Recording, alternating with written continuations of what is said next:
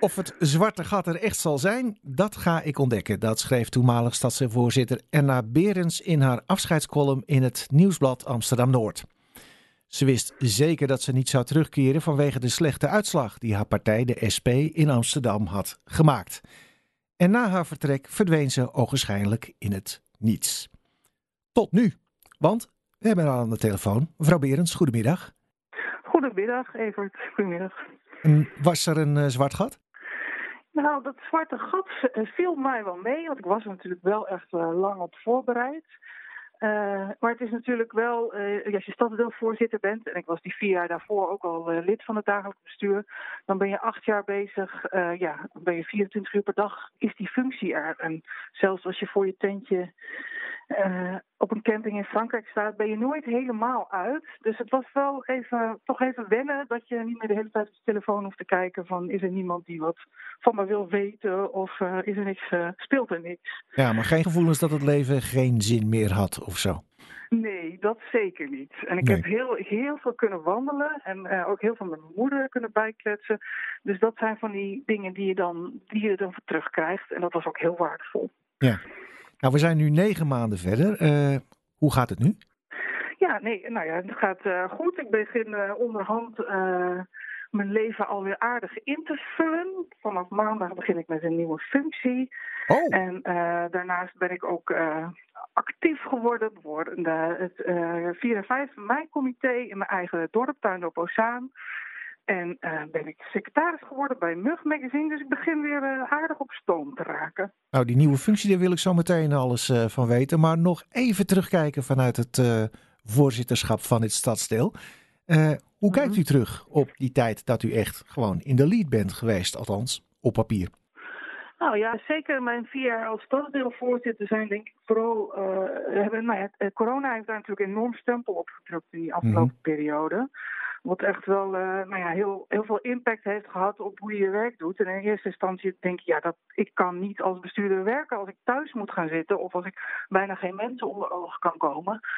Uh, dus dat was, dat was uh, uh, lastig en ik denk dat het toch heeft heel veel impact gehad op iedereen. Ja, zijn er ook nog dingen die u toch ja, dan ondanks dat als hoogtepunt heeft kunnen ervaren van nou, dat hebben we dan toch maar even ja. voor elkaar gebokst? Wat een van mijn hoogtepunten was, was toch wel dat we een, een jongerencentrum in de bannen hebben weten te realiseren. Dat die jongeren eindelijk weer een fatsoenlijke plek in de bannen hebben, daar was ik eigenlijk wel ontzettend trots op. En corona was alleen maar een dieptepunt of had het toch ook positieve kanten? Ja, ja, maar dat, wat het mooie was om te zien natuurlijk, is dat er kwam heel veel druk op de samenleving. En op een gegeven moment toen die avondklok werd voorgesteld en er allemaal rellen dreigden, toen was het echt goed om te zien hoe we een goed netwerk hebben in Noord. En daar werkte als stadsdeel natuurlijk ook altijd heel hard aan. En dat allerlei mensen en organisaties, vrijwilligers opstonden en zeiden: nee, wij gaan die straat op om als jongeren willen gaan rellen, gaan we ze aanspreken en zorgen dat het niks gebeurt.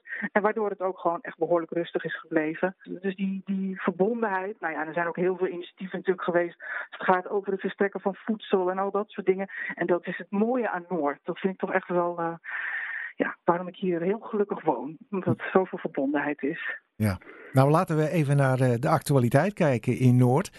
Uh, inmiddels uh, hebben we voorlopig afscheid moeten nemen van de plannen voor bruggen over het IJ. Ja, uh, als u zoiets als oud-stadsdeelvoorzitter voor uw tentje in Frankrijk misschien hoort, wat doet dat dan met u?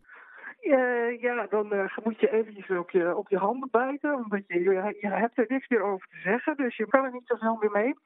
Uh, nou ja, kijk, en dan moet je accepteren dat, het, dat je het even niet meer, dat je op een andere manier, laat ik het zo zeggen, dat je op een andere manier je invloed moet laten gelden. Ja, nou mag ik dan nu ook naar uw ja, betrokken mening vragen als Noorderling naar de mogelijke komst van een prostitutiecentrum naar de NDSM-werf?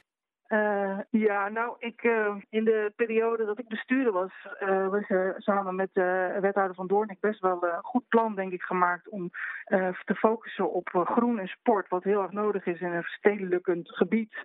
Dus ik, laat ik het zo zeggen, ik hoop dat dat in ieder geval niet vervalt en dat er heel goed gekeken wordt naar die belangen van die nieuwbouw en dat er goede beslissingen worden genomen. Goed. Um, nou, dan naar de nieuwe baan waar u het uh, al over had. Is die in Noord of gaat u ergens uh, ver weg werken? Ik, uh, ik ga gelukkig in Noord werken. Ik ga bij de sociale maatschap aan de slag. Dus in de, in de sociale maatschap, daar vallen, nou ja, wat met in Noord wel kennen, DORA's en de buurteam Noord vallen daaronder. -hmm. en, en, ik wil heel graag proberen om te zorgen dat er uh, dat mensen sneller naar binnen stappen, sneller uh, elkaar steun weten te vinden en ook bij professionals uh, steun weten te vinden. En daar op allerlei manieren plannen voor bedenken hoe dat beter kan. En ook meteen mee aan de slag gaan. Goed. Mevrouw Berens, bedankt voor dit gesprek en veel succes in uw nieuwe baan. Nou, nu veel succes met uw radioprogramma. Dank u wel. Leuk dat het er nu is.